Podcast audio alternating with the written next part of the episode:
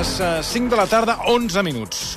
Com escoltàvem al butlletí horari de les 5, Dani Alves eh, va tenir una actitud babosa des de que va conèixer la noia que el va denunciar per agressió sexual. Així ho ha afirmat aquesta tarda una de les amigues de la víctima que estava amb ella a la discoteca Sutton. També ha explicat que la víctima no volia denunciar el futbolista perquè deia que ningú la creuria. Ha acabat fa res, pocs minuts, la primera sessió del judici contra Dani Alves a l'Audiència de Barcelona. Allà hi tenim el periodista de successos i tribunals de La Vanguardia i col·laborador de rac Toni Muñoz. Toni, bona tarda.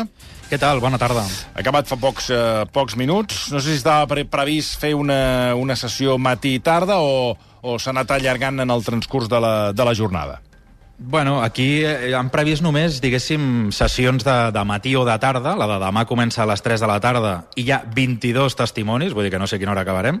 I la d'avui doncs, havia de començar a les 10 del matí i fins que acabés, no? I ha acabat ara, re, fa tot just eh, 10 minuts, en què el més destacat de tot ha estat al principi les qüestions prèvies i després hem pogut sentir eh, les declaracions de dues amigues que van acompanyar a la denunciant de Dani Alves el dia 30 de desembre, el dia que van passar els fets a la discoteca Sutton de Barcelona i que realment han fet un, un relat dels fets doncs, que posava els pèls de punta i bé, no tenim imatges, no tenim eh, talls de veu, no tenim fragments de tot el que han dit, però sí que les hem pogut escoltar. En canvi, la víctima també ha declarat avui durant una hora i quart, però eh, no hem pogut seguir la seva declaració perquè s'ha fet a porta tancada i, a més, eh, se li ha distorsionat la veu, que tu dius, bueno, si després doncs, no podrem escoltar el seu testimoni, per què se li distorsiona la veu?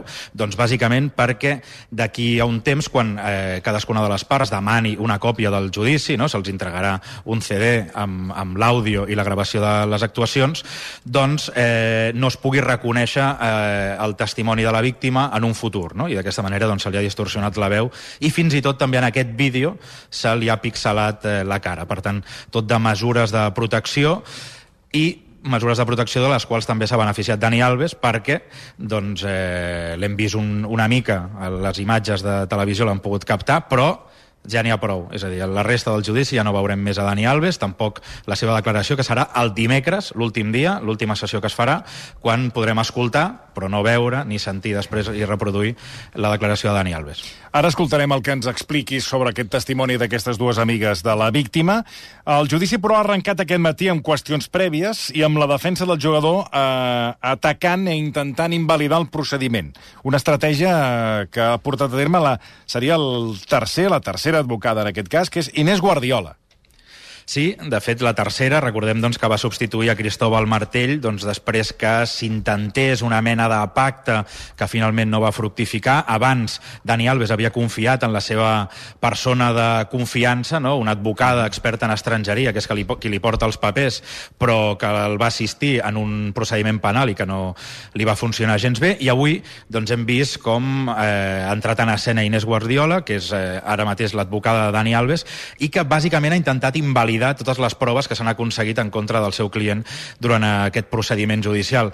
Eh, una de les més destacades és que ha demanat la suspensió del judici perquè considerava doncs, que al seu client se li havia fet un judici paral·lel i clar, ell ha dit és que bueno, ja han anat als mitjans eh, ha sortit per tot arreu, ha presentat fins i tot un, un recull de 550 notícies en les quals apareixia Dani Alves i de, a les quals es parlava de l'agressió sexual i que segons ella doncs, se'l considerava, eh, hi havia una mena de condemna social envers el seu client. Què ha passat? Doncs que això se li ha girat en contra perquè han dit, escolta, eh, el personatge públic aquí és Dani Alves, per tant, és normal que es parli a Dani Alves, el que ja no és tan normal és que s'hagi parlat de la víctima i això doncs, li han tornat perquè recordem que qui va desvelar la identitat de la víctima? Doncs la mare de Dani Alves amb aquell polèmic eh, post que va penjar a Instagram, que era un vídeo, un muntatge doncs, en, en el qual doncs, apareixia la víctima de Dani Alves, se li veia la cara, es deia el seu nom i els seus cognoms i se la veia ballant alegrement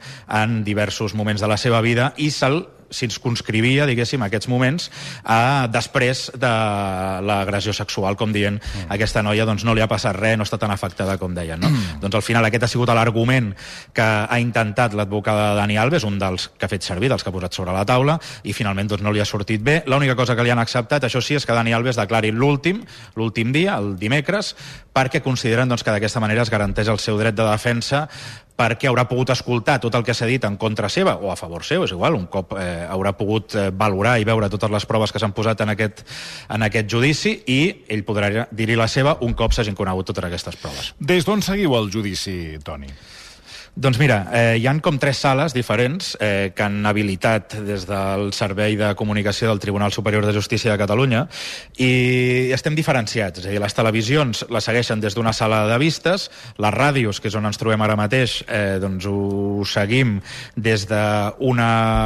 Bueno, la sala de premsa habitual, que és una habitació molt petita, i és tan petita que, clar, no hi cabem tots, no? I aleshores, a nosaltres, a la premsa escrita, ens han habilitat una sala polivalent que es diu, que, imagineu, a la sala on es fan tots els macrojudicis, doncs han posat allà unes, bueno, les taules que hi ha del tribunal i de tot això, i ens posem allà a seguir el, el judici. Però, en fi, és a dir, el, últimament estem acostumats, diguéssim, a judicis mediàtics, a judicis multitudinaris en què hi ha molta expectació i, òbviament, les instal·lacions que hi ha al Tribunal Superior de Justícia de Catalunya no estan preparades per assumir una allau de periodistes com el que hi ha ara, no? I, bueno, doncs ens van posant com poden eh, i anem seguint des d'una televisió que hi ha senyal directe. Avui, per primer cop, per això, eh, s'ha produït una cosa curiosa, i és que jo no ho havia vist mai. A les, eh, abans us explicava doncs, que, per exemple, eh, se'ns ha vetat no, poder emetre fragments tant d'imatge com d'àudio del, del judici. No?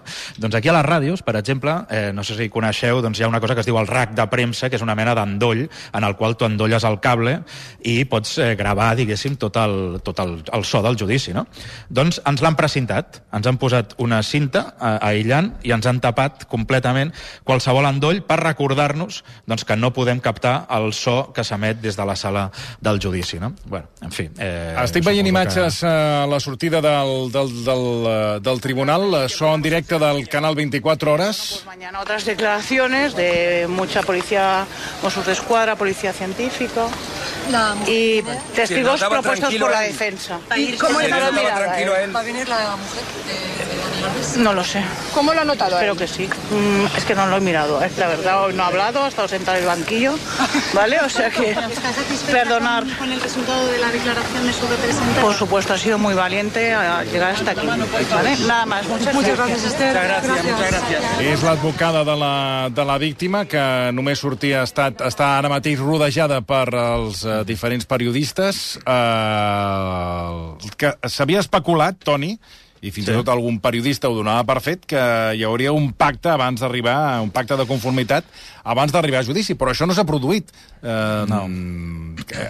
Aquesta especulació, a tom de què venia, i, i, i què, què, quines avantatges tenia, si és que en tenia alguna, per la víctima d'aquest pacte de conformitat?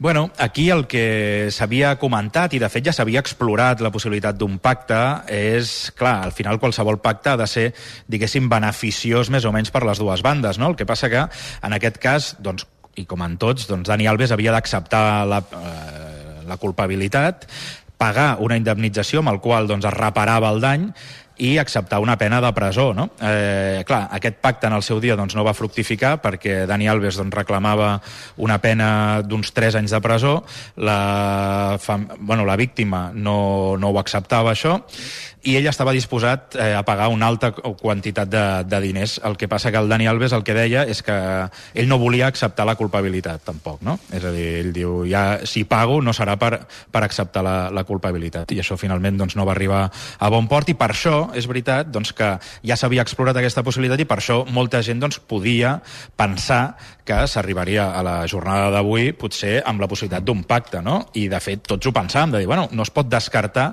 que abans que comenci el judici es pugui produir aquest, aquest pacte. I, de fet, encara hi ha temps, és a dir, abans que mentre el judici estigui en marxa es, poden, es pot arribar a un pacte i a l'última sessió doncs, es pot dir, mira, eh, finalment doncs, la Fiscalia i les acusacions rebaixem la petició de pena, a canvi doncs, eh, Dani Alves es compromet a pagar una quantitat de diners que sigui X. No? Això vull dir, és un escenari que no podem descartar. Però eh, bé, ja ens, eh, hi havia diverses fonts doncs, que ja ens alertaven que el judici començaria, que arrencaria, i així, i així ha estat. No? Finalment no hi ha hagut pacte, i Dani Alves s'ha assegut al banc dels acusats, i hem pogut veure ja una mica per on aniran els trets de la seva defensa, perquè tots pensàvem no, que davant d'una d'una, en fi, d'un procediment en el qual ell ha donat fins a cinc versions diferents, ho té bastant complicat i no sabíem molt bé quin tipus d'estratègia de defensa seguiria. I avui ho hem pogut esbrinar a partir de l'interrogatori que ha practicat la Inés Guardiola, l'advocada Dani Alves, a les dues amigues de la víctima que, van, que la van acompanyar a la discoteca Sutton de, de Barcelona, no? I si us sembla, expliquem una mica sí, sí. què és el que han dit aquestes noies. Ara és el que anàvem. Eh, eh, hem situat els oients, ara anem al que han estat els dos testimonis, a banda de la víctima que vosaltres no heu pogut escoltar. No. Per tant, no, no sabem el que ha dit i que ha explicat la bueno, víctima. Sabem que, sabem que ha ratificat el testimoni, eh? és a dir, el que ja havia dit. Vull dir que ella... Per tant, no, ser... no, no, no ha afegit res més pel que sabeu del, del testimoni que va, que va donar amb els Mossos d'Esquadra. Clar, en principi, mmm, que nosaltres sapiguem, no ha afegit bueno, res, clar, però, clar, però, nosaltres, però, clar, no, hem, no ho hem sentit. Per això dic que ens Clar. agafem al testimoni de les dues amigues. Exacte. És a dir, avui han declarat eh, qui eren bueno, les dues persones que van acompanyar Sí. aquesta jove a la discoteca Sutton de Barcelona. Una d'elles eh, ha explicat doncs, que van estar aquella nit primer sopant a casa seva, després van anar a un bar de copes i cap a quarts de 3 de la matinada van arribar a la discoteca Sutton de Barcelona, que estaven ballant amb les seves amigues, que en un primer moment doncs, va haver-hi una persona que les va convidar a una zona VIP on hi havia un grup de mexicans, que elles eh, doncs, van acceptar i van anar allà, van estar ballant una estona, quan una, un cambrer de la pròpia discoteca les va convidar a la zona VIP on estava Dani Alves. No? En un primer moment elles deien doncs, que ja estaven a gust allà amb aquells mexicans, però després van dir, com que insistien molt, van dir, bueno, doncs anem cap allà, no? I al final doncs, van, a, van accedir a anar a aquella zona on hi havia el Dani Alves, hi Que havia era un dues noies... oh, disculpa, Toni, que era un privat, això, una zona Sí. privada on estava només Dani Alves o hi havia més gent? Era a la zona privada i ella estava, si no entès malament, a la, a la taula 6. És a dir, hi havia un més... privat i, amb, un amb privat una a taula, que era la 6. Val. Exacte. I ell estava amb... a- Hi havia el Dani Alves, hi havia un amic seu que es deia Bruno, i hi havia dues noies, i aquestes tres noies mm, doncs van arribar allà, van saludar aquella, aquelles noies, i es van, ahir els van oferir una copa de xampan, que si no he entès malament, em sembla que era un Moët Chandon, que és el que han comentat avui. I bueno, doncs elles van acceptar aquesta copa, diu que no se la van acabar, que van estar allà una estona, i que ja només una d'aquestes amigues ha dit quan jo vaig saludar el Dani Alves ja em va agafar, eh, em va com mig magrejar, gairebé em toca el cul, i ja vaig sentir que tenia una actitud babosa. Això ja només eh, arribar, diu que ja ho va, ho va notar, que ella ja es va començar a apartar d'aquesta taula, que es va posar un, a un costat, i, i ja està, no? i va seguir. Aleshores, eh, aquesta noia què explicava? No? Doncs que, bueno, que estaven una mica incòmodes, l'altra amiga també deia que notaven que hi havia una certa incomoditat, no? i aleshores els hem preguntat, bueno, i per què no marxàveu, no? si realment estàveu incòmodes? Doncs ella ha dit que, bueno, que no era la primera vegada que estaven incòmodes i que, eh, que hi hagués una certa incomoditat mai eh, o sigui, no volia dir doncs, que després acabés passant el que, el que va passar. No?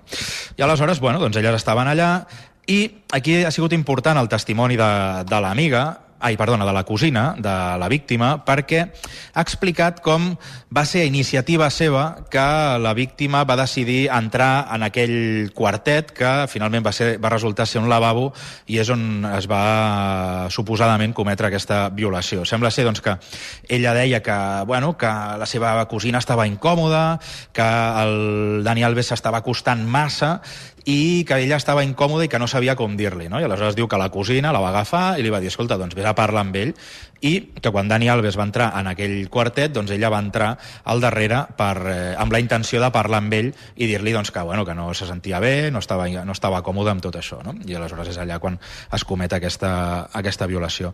Clar, tenim els moments previs, tenim els moments posteriors, òbviament, l'agressió sexual no hi ha testimonis, però el que sí que han explicat totes dues és com va sortir la víctima, que va sortir doncs, que estava en xoc i que no parava de repetir m'ha fet mal, m'ha fet molt de mal i que no parava de plorar. Aleshores, eh, elles eh, se'n van cap al guardarroba, van a buscar doncs, les jaquetes ja per marxar quan veuen que aquella, bueno, la veuen plorant el personal de la discoteca Sutton i decideixen que han d'activar el protocol antiagressions sexuals, la traslladen a una habitació on allà els hi comença a exposar el seu testimoni. Allà doncs, explica això, el que ha passat, que, que l'ha forçat, que li ha fet molt de mal i aleshores és quan després truquen els Mossos d'Esquadra i la traslladen a l'Hospital Clínic de Barcelona i després interposaran la seva, bueno, la respectiva denúncia que acaba doncs, posteriorment amb tota aquesta causa judicial. No?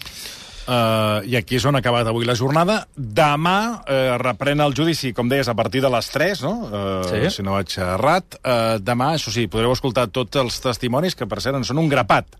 Sí, sí, demà n'hi ha moltíssims, comencem a les 3 de la tarda i la veritat és que no sé quina previsió han fet, però eh, crec que acabarem molt tard, perquè és que clar, 22 testimonis, entre els quals hi haurà personal de la discoteca, hi haurà l'amic de Dani Alves, hi haurà 11 Mossos d'Esquadra, és a dir, totes aquestes persones hauran d'explicar quins van ser els moments previs, els moments posteriors, com van atendre la víctima, i recordem també doncs, que hi ha un mosso d'Esquadra que va enregistrar, per error, però va enregistrar el, el primer testimoni que va eh, explicar la víctima eh, sobre l'agressió sexual que havia patit, perquè sembla ser doncs, que aquest mosso d'esquadra portava una càmera d'aquestes que porten enganxades al pit, a vegades doncs, per gravar intervencions que puguin ser polèmiques, doncs se li va activar i va enregistrar el primer testimoni que va donar aquesta noia no? i que relatava, l'agressió sexual que havia patit.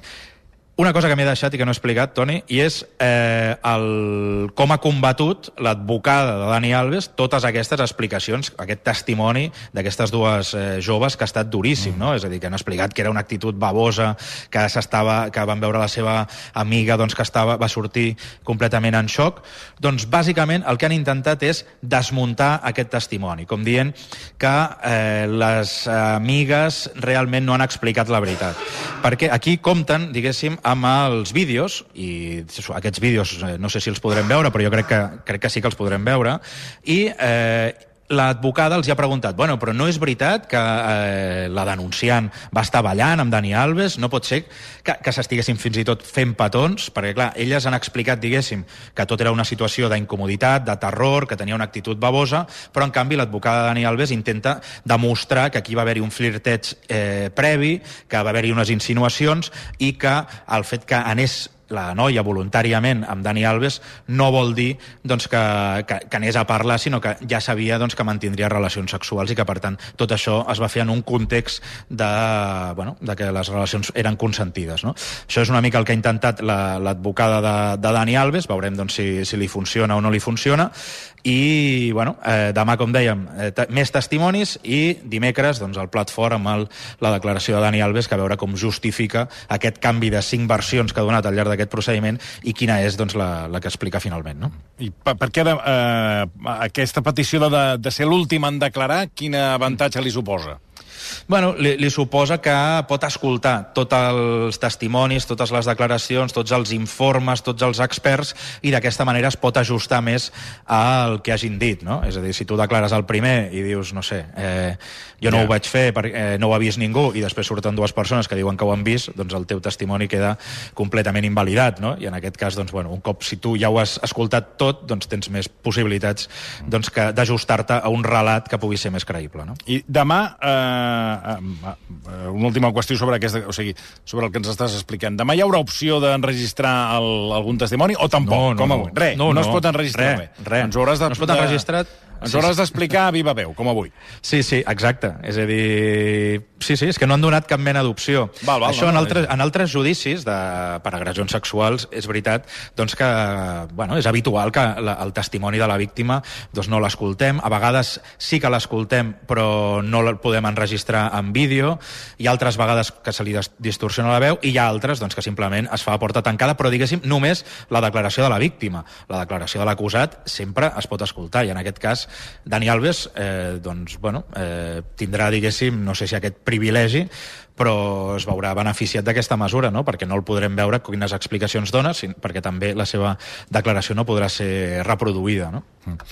Doncs eh, abans de, de tancar avui aquesta connexió, eh, deixa'm obrir un altre cas, el, el cas del crim de Sant Feliu, perquè els Mossos van detenir fa una setmana un home de 29 anys com a presumpte autor de la mort d'un altre Cornellà de Llobregat. Recordem que el cadàver el van localitzar en el maleter del cotxe que havien incendiat. A veure, explica'ns una mica quina relació hi ha entre aquests dos homes. Doncs mira, eren dos amics que tenien un... Bueno, eren el, el cap d'una botiga de menjar a domicili japonès, que es diu Telemaki, que està a Sant Feliu de Llobregat, i el seu subordinat, un dels seus empleats, mm. que era amic seu, i que feia de repartidor de, del menjar japonès. No?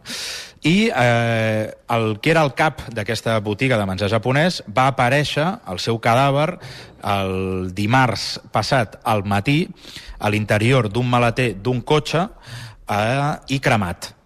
Val? Eh, aquesta va ser la primera notícia que vam tenir. Uh -huh. Els Mossos d'Esquadra van emetre un comunicat dient hem trobat el cadàver d'un home al maleter d'un cotxe a Cornellà de Llobregat. Eh, aquest cotxe estava aparcat en una zona que està entre Sant Joan d'Espí i Cornellà de Llobregat, més o menys cap al centre comercial Eroski, bastant a prop, i, clar, tothom li va estranyar que en una zona habitada aparegués un cadàver eh, calcinat i un cotxe cremant. No?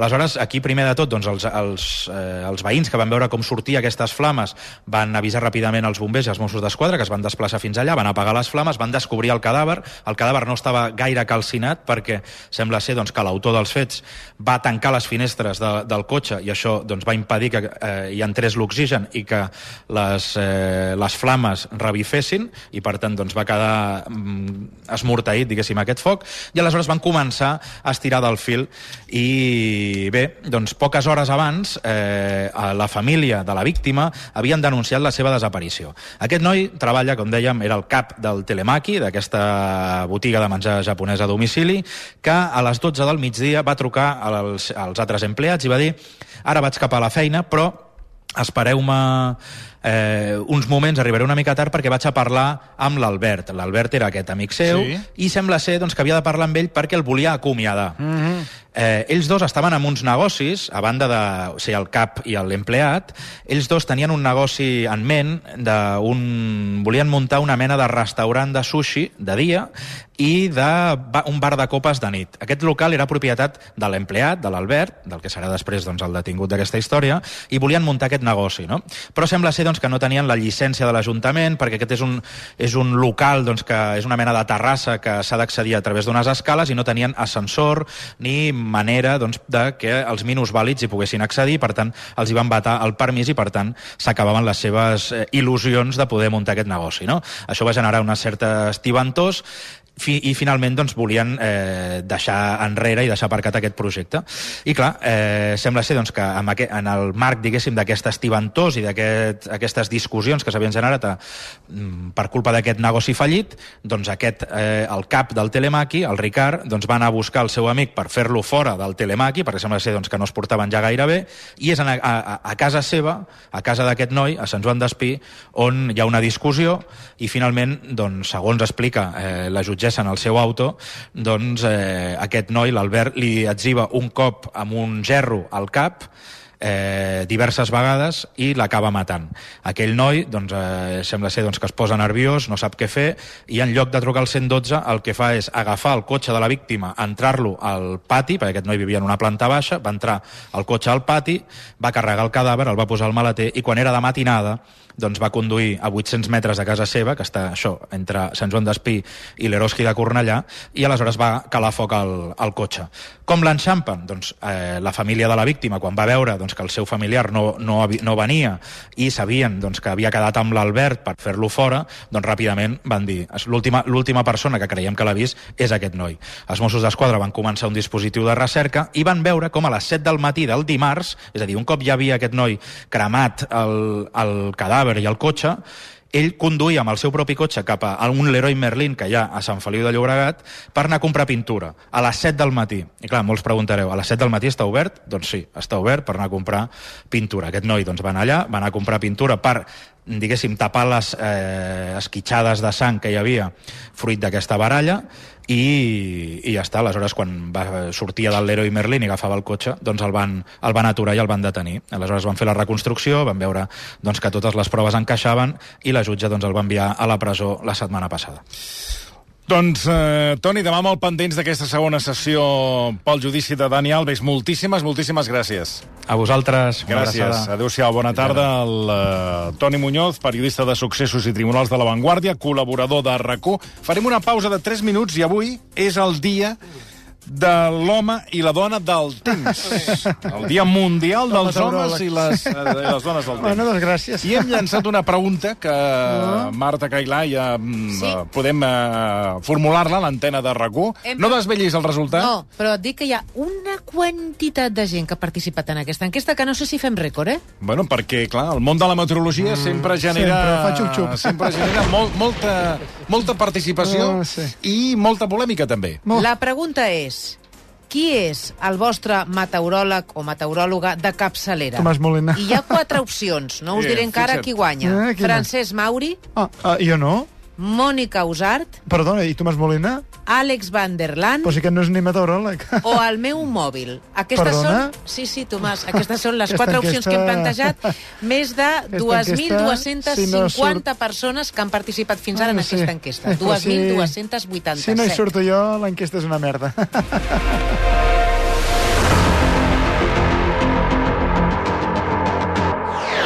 Versió RAC 1.